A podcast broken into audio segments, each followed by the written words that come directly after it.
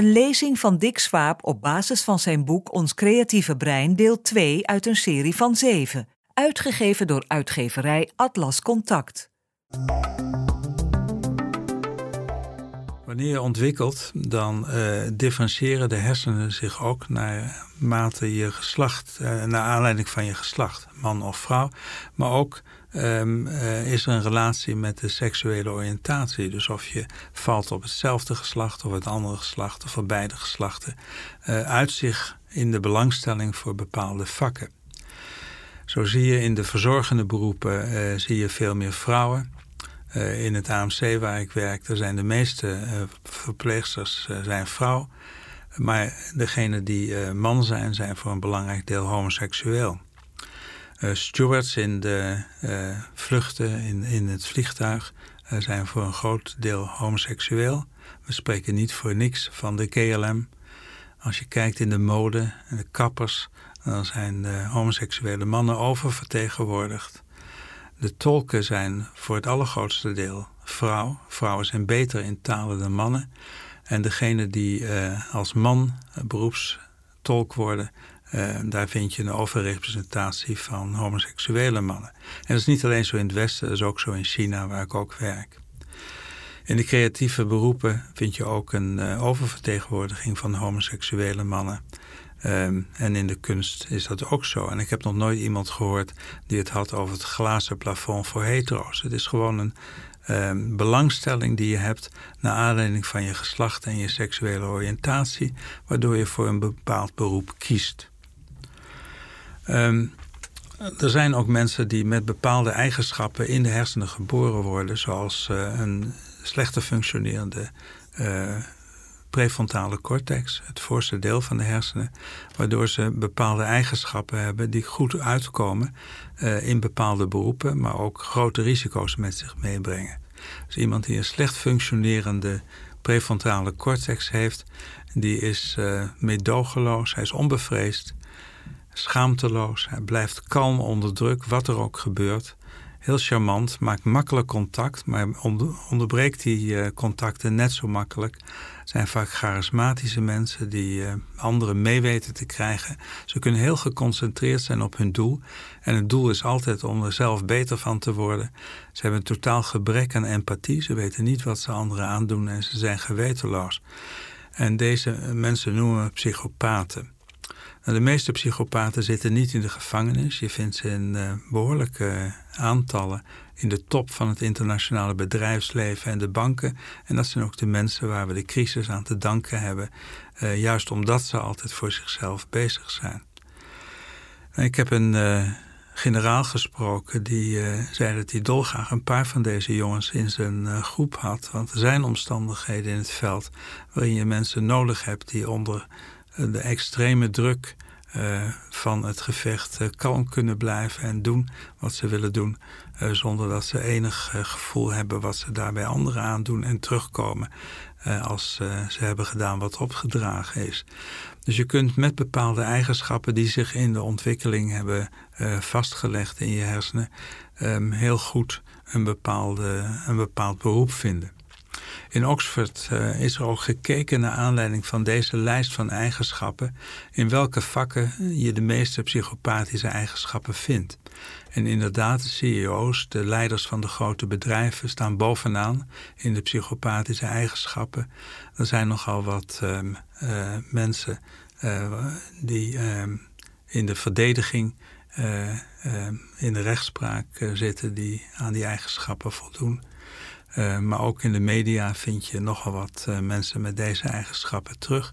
Terwijl anderzijds de minst psychopathische eigenschappen gevonden worden bij de mensen die in de verzorgende beroepen zitten, de verpleging, de therapeuten en dergelijke. Dus steeds lijkt het erop alsof je onder invloed van de hersenontwikkeling bepaalde eigenschappen uh, krijgt. En dan vind je een beroep wat het beste past bij je eigenschappen. Um, er zijn mensen die uh, um, extreem uh, uh, eigenschappen hebben door hersenziektes. En een daarvan wil ik aan u voorstellen. Dat is Robert Schumann. Die een bipolaire stoornis had, manisch depressief was. En het interessante is dat je daarbij ook kan laten zien hoe de creativiteit kan wisselen met de stemming. Uh, creativiteit wordt bepaald voor een deel door de genetische achtergrond die je hebt. Uh, het gaat samen met een karaktertrek die we openheid noemen. Het IQ moet tot 120 gaan om meer en meer creatief te zijn. Daarboven maakt het niet zoveel uit. Er zijn mensen die hele creatieve ideeën krijgen in dromen. Dat is mij nog nooit gelukt. Ik heb regelmatig een pen naast mijn bed liggen om te noteren wat ik uh, voor fantastische ideeën ontwikkel uh, tijdens mijn slaap. Maar als je dan wakker wordt, dan valt het altijd weer tegen. Maar er zijn mensen die dat heel goed kunnen. Um, en uh, creativiteit uh, wordt gedefinieerd door het combineren van uh, bouwstenen die al bekend zijn tot iets nieuws. En ehm, daarvoor heb je natuurlijk informatie nodig vanuit de buitenwereld, maar ook informatie die opborrelt vanuit je hersenen zelf. Um, creativiteit ontstaat op basis van die informatie en we worden de hele dag door gebombardeerd uh, door informatie die je daarvoor kan gebruiken. Ook uit je hersenen komt zoveel informatie naar boven dat er genoeg voorradig is. Maar wanneer je alles zou um, bemerken wat er naar boven komt en wat er naar binnen komt, dan zou je niet kunnen functioneren. Dus we focussen op een heel beperkte hoeveelheid informatie.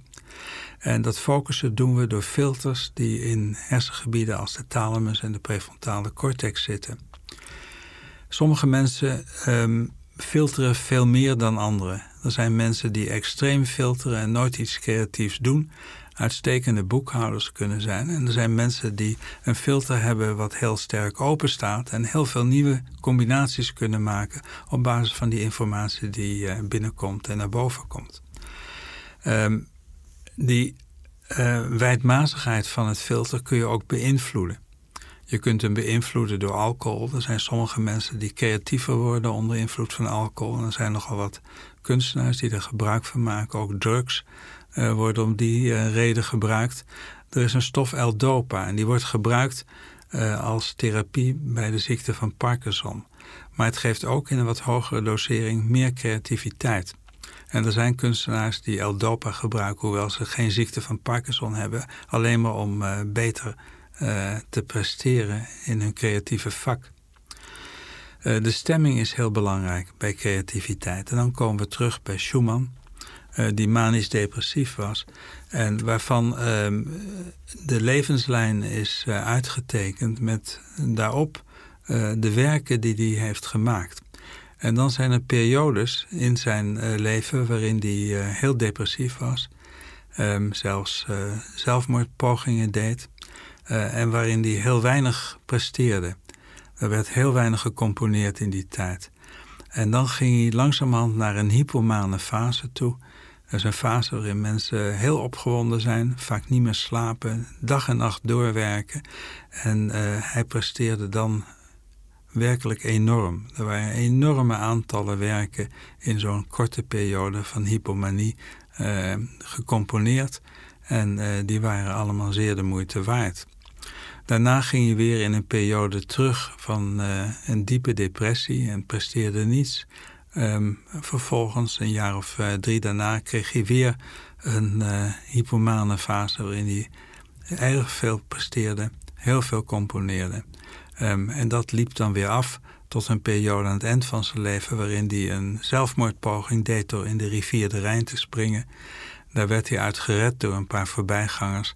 En twee jaar later uh, is hij overleden in een instituut waar hij die twee jaar moest verblijven. U heeft geluisterd naar een lezing van Dick Swaap op basis van zijn boek Ons creatieve brein. De volgende aflevering gaat over Waarom houd je van muziek?